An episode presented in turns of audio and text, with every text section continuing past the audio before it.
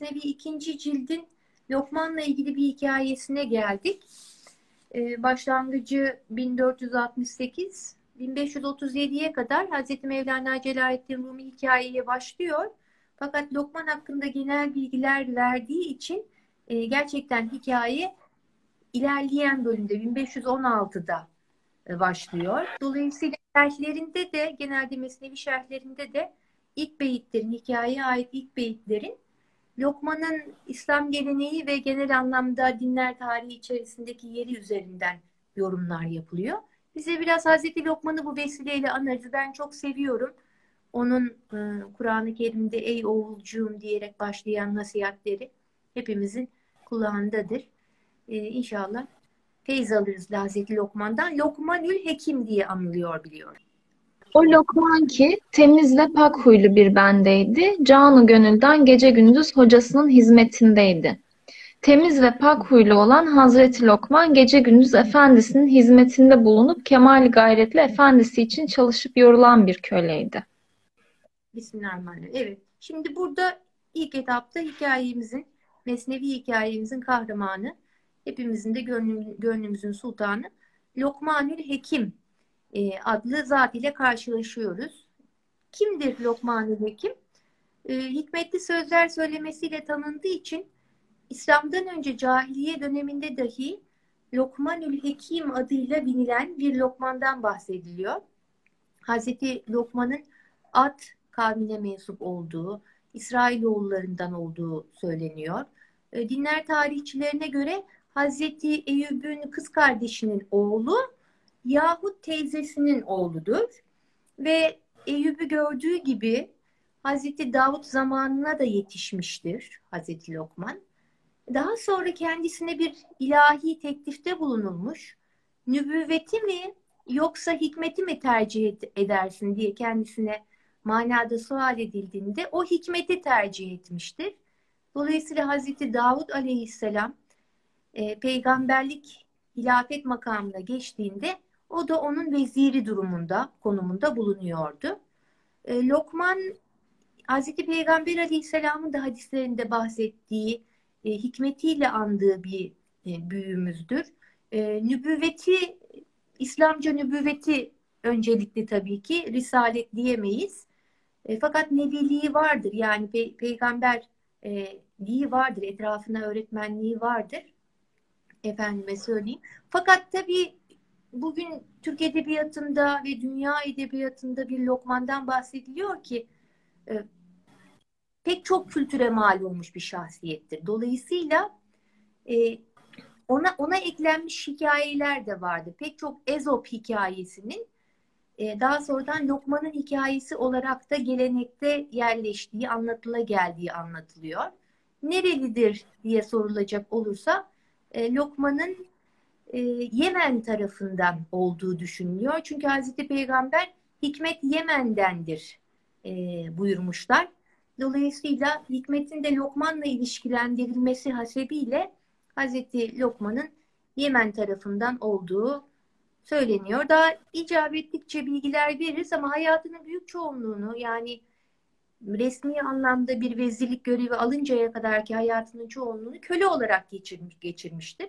Dolayısıyla genelde Lokman hikayelerinde bir de efendi vardır. Yani Lokman'ın efendisi olan birisi vardır.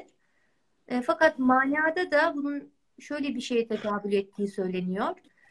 Nefsine hakim olan Lokman aslında e, efendisinin dahi efendisidir. Evet bu böyledir hikayelerde. Ve efendi eğer hikmet ehli ise e, çoğunlukla e, kendi hizmetinde bulunan lokmanın kıymetini anlamış e, ve e, onun hizmetinde bulunmuştur. Fakat bu görüntüyü hiç bozmamışlardır. Yani lokman e, onun hizmeti altında, e, onun hizmetinde bulunan birisi olarak ve e, efendi de e, bulunduğu makamda daha büyük bir kitleye seslenen bir şahsiyet olarak görünür. Manada ise bunun tam tersidir. Hikayelerde genelde köle efendi hikayelerinde e, bu sembol devam eder yani. Aslında köle durumunda olan nefsinin efendisi olduğu için çoğunlukla efendi olandır. Peki buyurun efendim. Şimdi siz devam edin. Efendisi her işte onu ileri alır, onun halini kendi öz evlatlarından daha iyi bulurdu. Efendisi Lokman'ı kendi öz evlatlarından üstün tutar, ona güvenir ve her işte onu öne alırdı. Gerçekte Lokman köle bir babanın oğlu olmakla birlikte esasen o tam bir efendizade yani manevi anlamda nefsinin arzu ve isteklerinden azad olmuş bir efendiydi. İşte ne kadar kimseler vardır ki zahirde köle görünür fakat hakikatte efendidir.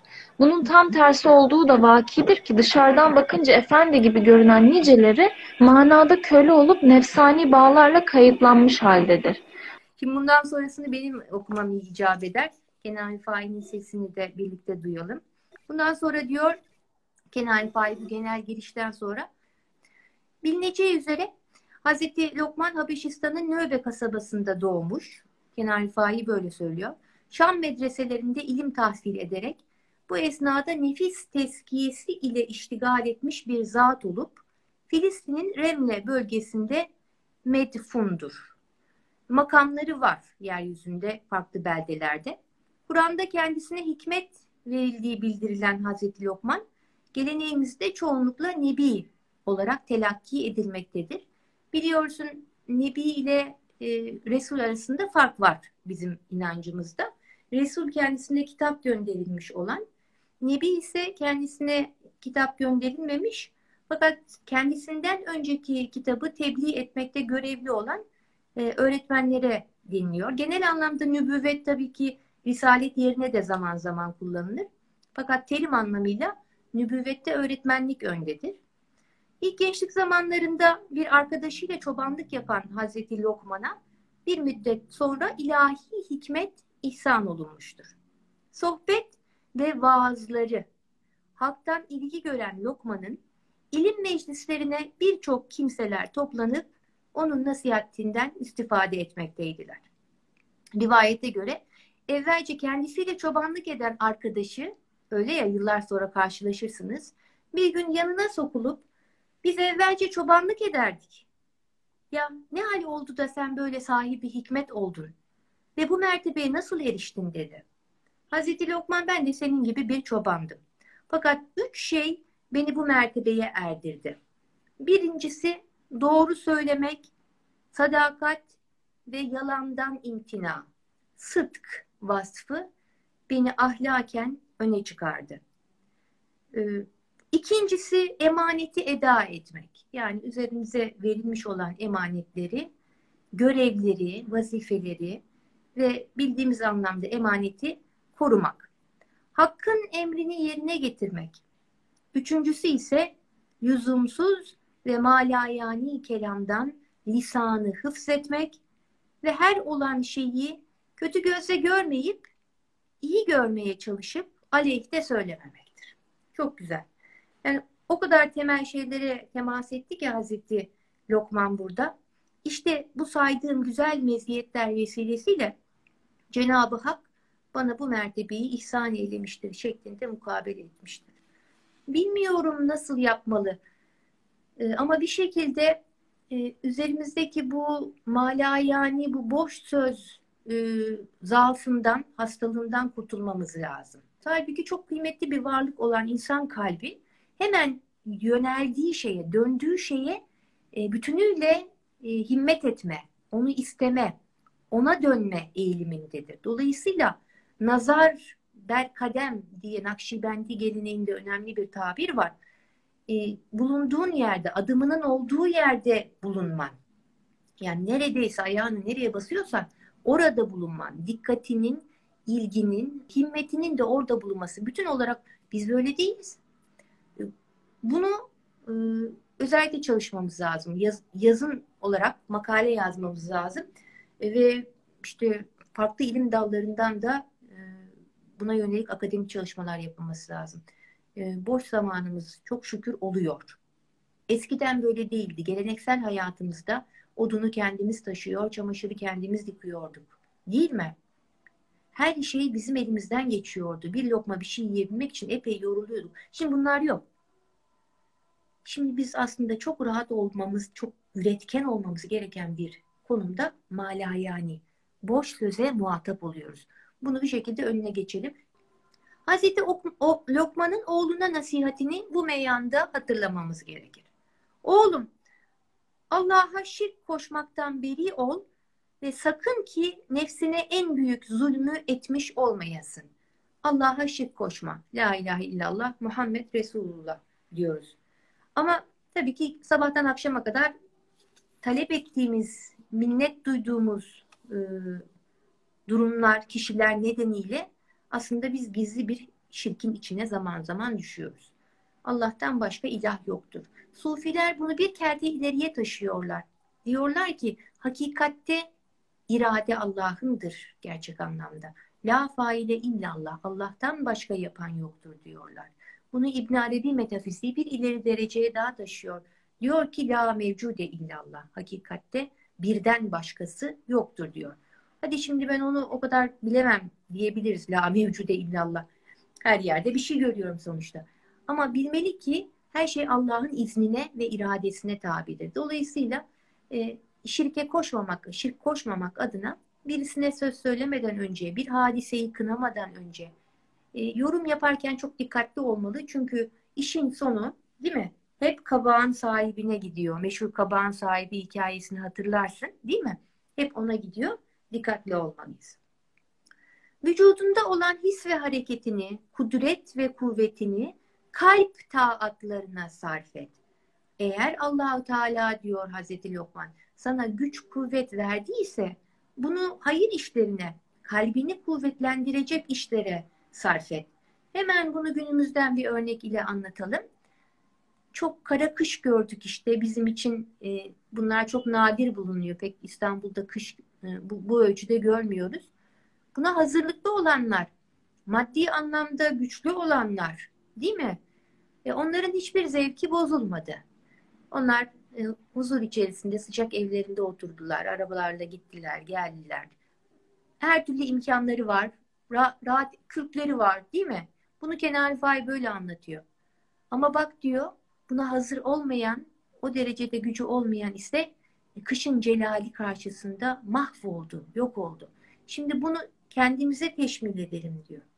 Celal Allah'ın celali kış suretinde gelebileceği gibi nefsimize ağır gelen muameleler, sözler, durumlar, meslek arkadaşları, ofis meseleleri şeklinde de gelebilir celal bize. Eğer ki kişi kendini bilirse, nefsini bilirse yani çok şükür Allah var ben de sırtımı ona dayadım derse her durum onun için e, üstesinden kolayca gelinebilecek bir tekamül aracına dönüşür. Şikayet değil, tekamül aracına dönüşür. O halde işte Lokman da bunu diyor. Kalp taatlarına sarf et. Kalbinin gücünü arttır ve kalp amellerinde bulun.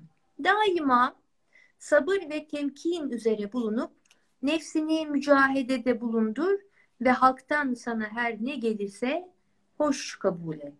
Nefsini mücahedede bulundur dedi burada Hazreti Lokman. Her devirde ilk dönemden itibaren bütün peygamberlerin hayatlarında bir mücahedenin bulunduğunu görüyoruz. Mücahede nedir Nida? Sende e, ne gibi bir çağrışım uyandırıyor? Mücahede, e, hocam o kadar böyle e, ince ayarları var ki insanın.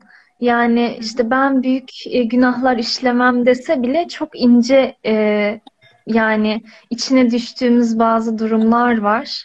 Ee, bazen kibre düşebiliyoruz. Her şeyin engeli kibir.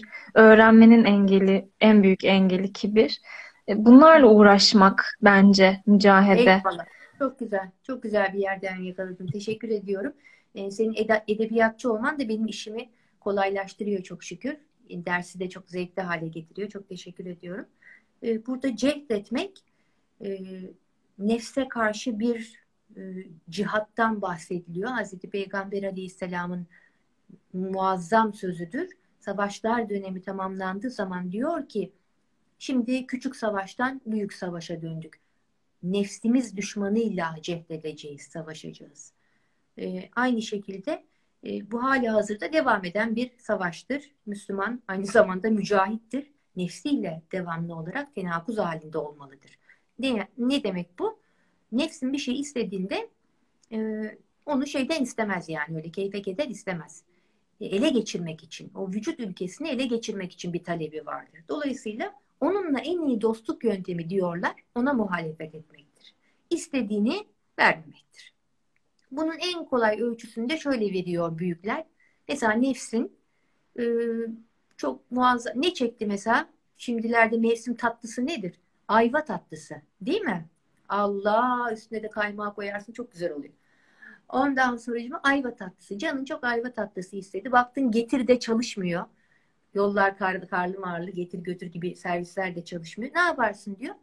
Nefsini evde bulunan ve tatlı olan en küçük bir şeyle ikna edersin. Hani tıpkı çocuğu eline küçük bir oyuncak tutuşturup hadi canım sen şimdi bununla oyna onu sonra sana şey yaparız der gibi nefsini ufak tefek şeylerle çok da böyle hani elini de boş bırakmamak lazım azıyor o zaman. Ee, onu en azına kani olacak makul olan bir noktaya çekmeye çalışmalıdır. Hakikaten her istediğini vermek e, çok şımarık e, bir e, nefse sebep olur ki o vücut buna dayanamaz. Yani vücut nefsin her istediğini yapmaya başlasa çatlar. Eyvallah. Ceh böyle bir şey. Ve halktan sana, sana ne gelirse hoş kabul et diyor. Şimdi Sufilerin sözleri olarak ben bunu okusam e, tasavvuf literatüründen girecektim. Fakat bu Kur'an-ı Kerim'de doğrudan Hazreti Lokman'ın hikmet ehli olan yani batın ilmine sahip olan bir nevi kendi döneminin mistiklerinden olan e, bir zat-ı şerifin, nebinin sözleridir. Diyor ki her halktan sana ne gelirse onu hoş kabul et. Nitekim ilerleyen yıllarda biz bunun en güzel örneğini Hz. Muhammed Aleyhisselam'ın şahsında görüyoruz. O son derece rikkat sahibi, hassas bir kalbi olan benim güzel peygamberim içinde bulunduğu ümmetin her türlü eziyetini hoşlukla kabul etmişti. Öyle değil mi? Gelip mübarek yakasından çekiştirip soru soranlar, efendime söyleyeyim, e, böyle bedevinin her türlüsü var, kaba saba sözler. Ama Hazreti Peygamber aleyhisselam e, kendi ümmetinin, kendi akrabalarının hatta o dönem inanmayan, müşrik olan akrabalarının türlü eziyetlerine e, güzellikle cevap verdi. Ta ki savaşmak zamanı gelinceye kadar o ayrı bir konudur ama normal sivil zamanda vay sen bana bunu yaptın diyerek değil mi Müslümanın hemen e, gardını alması yakışmıyor. Çünkü güzel bir örnek var diyor Kur'an-ı Kerim'de allah Teala. Ben sana peygamberimde güzel bir örnek sundum. E, dolayısıyla bizim ümmet Muhammed olarak çok çok e, zarif olmamız lazım. Çok çok güzel muameleler sergiliyor olmamız lazım. Dikkat edelim. Herkes bir huyunu daha lütfen bugün bir değiştirmeye karar versin. Yani hemen cevap verme huyumuzu en azından biraz azaltalım. Hemen cevap verme yani. Hazır cevaplığı ben çok severim. Nitekim kelime e, çok şükür mevzuliyetim var. Hani hemen şak diye bir şey söyleyebiliyorum. E, ama bu kalp kırıyor. Yani bunu yaptığın zaman kalp kırıyor. Çok söylemek istiyorsan git içeride odada aynaya söyle iki kere rahatlarsın. Bunun tedbiri olarak da Hazreti Peygamber aleyhisselam ne diyor? Öfkelendin. Öfkeyle kalkarsan zararlı oturacaksın. Otur diyor. Oturdun geçmedi yat. Yattın geçmedi kalk. Odadan çık hareket et. Bir deveranın değişsin. Eline yüzüne su ver. Abdest al. O zaman diyor hadiseye başka bakacaksın. Ee, bakalım o noktaya yavaş yavaş ne zaman geleceğiz. Abı hayat gibi kullara rahat eriştirici ol. Aleme faydan dokunsun. Allah aşkına. Aleme ne faydamız dokunuyor ben bilmiyorum yani. Daha daha çok çalışmamız lazım. Mümin kardeşimiz için daha çok e, hayır hayır işlemeye çalışmamız lazım.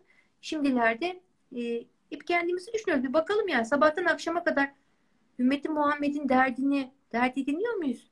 Yok. Yarına kalmayacak, bizden sonra da unutulacak olan dertlerle yaşıyoruz. Bunları değiştirmeli, yüce bir gaye koymalı. E, tabii ki gücümüz nispetinde her türlü Müslüman kardeşimize destek olmalıyız. Maddi olarak, manevi olarak, tebessümümüzle. Ama bunun haricinde daha kalıcı işlerle de faydalı olmak için büyük hamlelerimiz olmalı. Değil mi? Eğitimli olmalıyız. Okur yazar olmalıyız. E, talakatimizi, efendime söyleyeyim kalemimizi kuvvetlendirmeliyiz. Hazreti Ali'nin sözüdür. Devrinizin silahlarıyla kuşanınız. Bu karşı tarafı devirmek için değil. Fakat İslam'ın adını yüceltmek içindir. Allah bize nasip etsin inşallah. Kimseye eza ve cefada bulunma. Aleme acı söz söyleme ve sert, haşin muamele etme. Allah muhafaza. Sert ve haşin. Hatta bunu sufiler derler ki e, bir kediye kışt pışt diyen adamdan sufi olmaz diye bir söz vardır. Sufi olmaz. Yani onun sufiliğine güven olmaz diye. E çünkü Allah'ın mahluku yani. Sen ona öyle bir hakkın yok. E, zaten o bütün büyük pirlerin, tarikat pirlerinin e, simülasyon o resimlerinde ne vardır? Bir ellerinde mesela Hazreti Ahmet Er Rifai'nin yılan vardır. Aslanın üzerine oturmuştur. Öbür tarafında kaplan vardır filan böyle. Bütün vahşi hayvanlar onun e, önünde el pençe divan durmuştur. Hatta menkıbede de geçer yani. E, Hazreti Peygamber'in ahlakına sahip böyle bir insana ben zarar veremem diyerek aslanın yolunu değiştirip gittiği. E, mahlukat senin elinden emin olacak. Hazreti Muhammed Aleyhisselam ne diyor? Mümin elinden, dilinden mümin kardeşinin emin olduğu kimsedir. Yani sen yanındakinin, o da senin elinden ve dilinden emin olacak. Biz bunu sadece e, insanlar için düşünmeyelim işte bunu yayın. Bütün mahlukat sizden emin olacak. Hatta işte bu eşyayı rahatsız etmeme hususu e, çok önemlidir. Ekolojik dengede de e, böyle bir yere bir şey dikecekleri zaman onun yanındaki bitkiden e, usulen böyle edeben izin isterler. Bak bunu senin yanına dikiyorum. Heh. E, aman razı ol ona bak olur mu senin gölgende büyüsün falan gibi böyle mahlukatta da tabiatta da konuşurlar değil mi? Yunus Emre'nin sarı çiçekte konuşması boşuna değildir. Çünkü hepsinde bir hak tecellisi olduğuna inanıp hürmet ettikleri içindir. Eyvallah. Halkın ruhları, gönülleri güzel sözlerin ve nefeslerinle ihya et. Öyle güzel sözlü ol, öyle güzel tatlı dilli ol. Hoşla ki sam, sam rüzgarları gibi insanların helakına sebep olmayasın. Ve ilahi aşk ateşinin hararetiyle hamları pişirip aşkı ilahi ve muhabbeti Rabbani lezzetlerini her istidat sahibinin kalbine ilka et. İstidat sahibi gördüklerine de onların kalplerine de bu muhabbeti ilahiyi aşk et, ver. Ve gönül yakıcı gazap ateşi olma ki mahrumiyet cehenneminin ateşine girmeyesin. Ey oğul, dünya malından az şeye razı ol ve Allah'ın sana takdir ettiği rızkına kanaat et. Başkasının rızkına göz dikme. Taamı çok yeme, zira çok tok olma ki hikmetle doyan nefsin olur olmaza incinmekten kurtulsun. Hmm. Çok tefekkür edici ol, sükutu ihtiyar et ki lisanın şerrinden emin olasın. Sende bulunmayan bir hal için alem halkının senin hakkında met ve sitayişlerine aldanma ve kendinden büyüğüne karşı koyma. Sefihlere, ahmaklara sükuttan başka çare olmadığını bil. Hak'tan uzak kalacak derecede mal cem etmeye çalışma ki başkalarının mirasına bırakacağın mal senin malın olamaz. Senin malın ancak Allah yolunda infak edip ve ahirette topluca bulacağın maldır. Bir dostu iyi tanımak için onu hiddete getirecek hallerde bulun ki o dost eğer hiddet halinde insaf sahibi ve sabır ehli olursa onu dost et ve muhabbetine devam et. Çok güzel, çok güzel. Arka arkaya e, Hazreti Lokman oğluna pek çok hakikati, hikmeti söyledi. Hadi biraz üstünde düşünelim. E, Allah'ın sana takdir ettiği rızka kanaatkar ol. Başkasının rızkına göz dikme. Bu hususta ölçü şudur ki manevi hususlarda, konularda daha ileride gördüğün e, zat-ı şeriflere nazar edersin. Maddi hususlarda da kanaatin en e, temel esası şudur. Kendinden daha zor durumda olanların da olabileceğini, dolayısıyla elindekilerin kıymetini bilmen gerektiğini kendine hatırlatmaktır. Taamı çok yeme. Şimdi her hikmet ehlinin dikkat ettiği bir husustur. Çok yersen rehavetin çöktüğü ve arkasından hikmetin kanallarının kapandığı doğrudur. Değil mi? Ee, yaklaşıyor Ramazan Ramazan-ı Şerif'te. E, o ara taamdan daha çok konuşacağız. O konuları oraya saklıyorum. çok tefekkür edici ol. Tefekkür e, fikirden geliyor tabii ki. Fikredici, düşünceye dalıcı. Sükutu ihtiyar et. Biraz da e, düşünceyi çok ama sözü az tutmak lazım. E, çok güzel, sevimli bir şey var, film. Neydi o? Organize işler. Organize işleri izledin mi sen? Biraz hani 2000'li yıllarda falan Evet hocam. Yılmaz Erdoğan'ın filmi sanıyorum. Ondan biraz bahsedeyim gülelim. Yılmaz Erdoğan'ın o filmine ben geçen şöyle bir 5-10 dakika tekrar baktım güleyim biraz diye de. E, orada bir sofraya oturmuşlar. Böyle eskiden e, bizim Türk filmlerinde tonton bir amcamız vardı. Onun oğlu olan abi diyor ki abi sen hiç konuşmuyorsun diyorlar. Yani nedir bu yani? Biz konuşuyoruz, anlatıyoruz, gülüyoruz. Sen hep böyle susuyorsun. O da diyor ki eskiden çok konuşuyordum. Baktım ki hiçbir şeye faydası yok. Sustum. Çok güzel. Çok güzel. Gerçekten de bir süre sonra çok konuşan insanın düştüğü nokta bu oluyor. Ne başka bir şeye faydası oluyor, onu değiştirebiliyor. Ne de e, efendime söyleyeyim kendisine bir hayrı oluyor. Artık dinlenmez oluyor sözü. Dolayısıyla bu sükutu e, benimsemek, prensip edinmek lazım. Sende bulunmayan bir hal için alem halkının senin hakkında net ve sitayişlerine aldanma. Hayır, birileri bizi met ediyor ya arada. Yani onları hiç duymamak lazım. Ama buna mukabil sitayişlerine aldanmadığımız gibi e, kınayıcı sözlerine, kinayeli laflarına da aldanmamalıyız. Yani biz ne yaptığımızı biliyorsak hak yolunda gidiyor. Elimden geleni yapıyor. Artık bunun beğeneni olur, beğenmeyeni olur. Koskoca Allahü Teala'nın dahi değil mi işlerine laf söylüyor insanlar. Hani benimkine mi söylemeyecekler değil mi? Peygamberler tarihine bak. Onlar hakikati söyledikçe sevenleri olmuş. Sevmeyen sen o zaman doğru bildiğin e, hakka hakkaniyete uygun işlerinden dolayı birilerinin beğenmesi ya beğenmemesine aldırmadan yolunda ilerleyeceksin. Bütün büyükler bunu söylüyorlar. Çünkü yol kesicidir.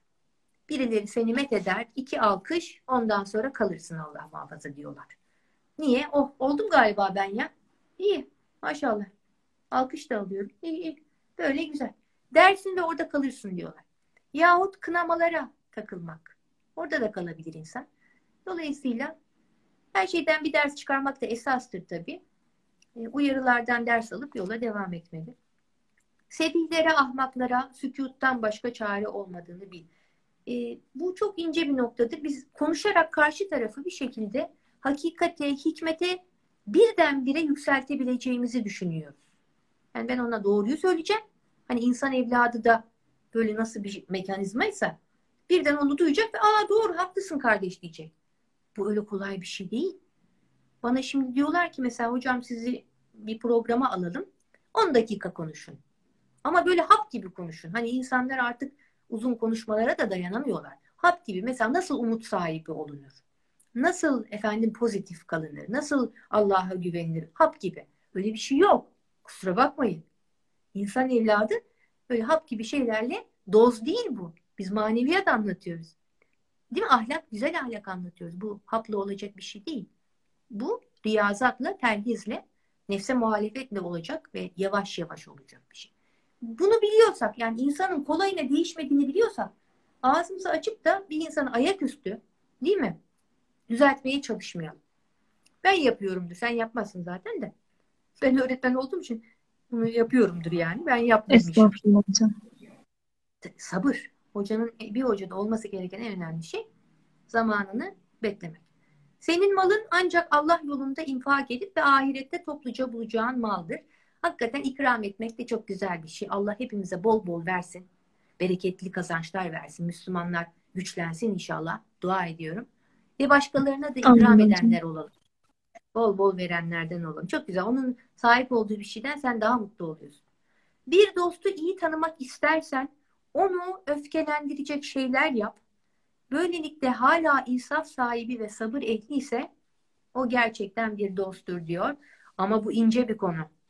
Yani yaparsın üstüne gidersin de bir yerde bırakırsa ne yapacaksın? Gidecek. Hakikaten böyledir. Arkadaşının damarına bas derler. Hala bozmuyorsa edebini o gerçek dosttur. Gazap ve hiddetten geç ki bunları terk etmek hakka muhabbete vasıta ve dostluğa rabıtadır. Buyur canım bu paragrafı da sen oku. Ben yine şey yapayım. Çok güzelmiş. Lokman. Gazap ve hiddetten geç ki bunları terk etmek hakka muhabbete vasıta ve dostluğa rabıtadır. Nur olmak istersen beşeriyet zulmetlerinden kurtulup nura müstahid ol. Cenab-ı Hak'tan uzaklaşmak, Allah'ın rahmetinden dur olmak istersen, şeytan gibi kendini beğenir ol ve eğer bu haram olan dünya hapsinden ve nefis şeytanının elinden kurtulmak istersen, dosttan, insanı kamilden baş çekme ve başkasına gitme ve ondan gayriye gönül iletme ve hemen ayağı tozuna secde kıl ki Hakk'a karib olasın ve cemale kavuşasın ve nur olasın. Eyvallah. Olalım inşallah canım benim. Gazap ve hiddetten geç ki bunları terk etmek Hakk'a muhabbete vasıta dostluğa rabıtadır. E, öyle yani insanın, Müslümanın güzelliği gerçekten şefkatinde, merhametinde, sabırlı, hazımlı oluşundadır. O vakur duruşundadır. E, kaybetmemeye çalışalım. Biliyorum aslında hepimiz bunlardan kurtulmak istiyoruz. Ama bazı noktalar bizi zayıflatıyor, bu huylarımızı güçlendiriyor.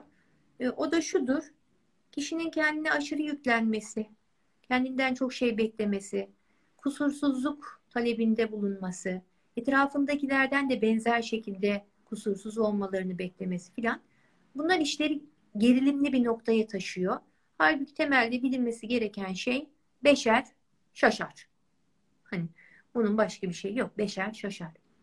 Zaten hakikatin de belli bir kısmını görüyoruz. Yani sana bakıyorum, ön tarafı görüyorum. Arka taraftan benim bir bilgim yok. Dolayısıyla insan evladı kısıtlı bir bilgiyle, kısıtlı bir güçle yaşıyor ve ondan en mükemmelini beklemeyelim. E, elinden geldiğince gayretli olup güzel işlere doğru yönelmesini bekleyelim. Buradan kastım nefsimizin yani. Nefsimizin toptan pir olması ya da karşımızdaki kişinin aynı şekilde muazzam davranışları, sözleri sergiliyor olmasını bekleyemeyiz. İnsanız biz böyledir. Bu da güzel. Yani küçükler hata yapar, büyükler affeder. Sırasında bizim bir olmayacak bir yanlışımız olur. Yan taraftaki arkadaşımız bizi hoş görür, affeder. İnsan olduğumuzu biz buralarda anlıyoruz. Ee, ısrarcı, yanlışta ısrarcı olmamak şartıyla e, ufak ufak hatalarımızı düzeltmeye çalışalım. E, ama bu sırada öfkelenip celallenmeden inşallah. Ne kendimize ne çevremize. Nur olmak istersen nura müstahid ol. Yani güzel şeylere arzun varsa e, sen de biraz nuranilerden ol. Kesafetini azalt. Cenab-ı Hak'tan uzaklaşmak, Allah'ın rahmetinden dur olmak ister, istersen şeytanın yolu bellidir diyor. Allah muhafaza. Ondan gayrıya gönlünü verme ve hemen ayağı tozuna allah Teala'nın yolunda olanların ayakları tozuna secde kıl ki Hakk'a karib olasın diyor. Eyvallah. Şimdi Lokman Aleyhisselam böyle güzel nasihatler veriyor bize. Hani insan daha bunun üstüne ne, ne şey yapar? Ömrünü işte bunlarla geçir. Kur'an-ı Kerim'in İsra suresi ve Hucurat suresinin de e, belli ayetleri özellikle e, sırayla emir ve nehileri sıralar. Onları yapanların bu dünyada ahirette başı selamette olur, rahatta olur diyoruz. Peki, e, orada Hazreti Lokman'la ilgili dipnotta hikaye var. Kenar failin hikayesidir o, yani şerhinden alınmıştır. Orayı okursan bir ilk Lokman'ı şöyle hikaye içerisinde görelim. Eyvallah hocam. Hazreti Lokman bir rivayette de bir hocanın kölesiydi. Bir gün hocası Lokman'a bir kuzu kes ve en âlâ yerini bana getir dedi.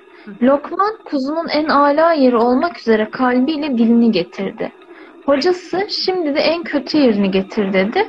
Lokman gene kalbiyle dilini getirdi. Hocası bu ne diye sorunca Lokman eğer lisan kötü şeyleri söylemekten azad olur kalp de güzel ahlakla huylanır ise ikisinden de iyi bir şey olmaz. Aksi takdirde ise bunlardan kötü bir şey olmaz diye cevap vermiş. Ne dedi hocası? Bana bir kuzu hani kesin çevirin getirin. Ee, bana en âlâ yerlerini de bir zahmet hani getirin dedi.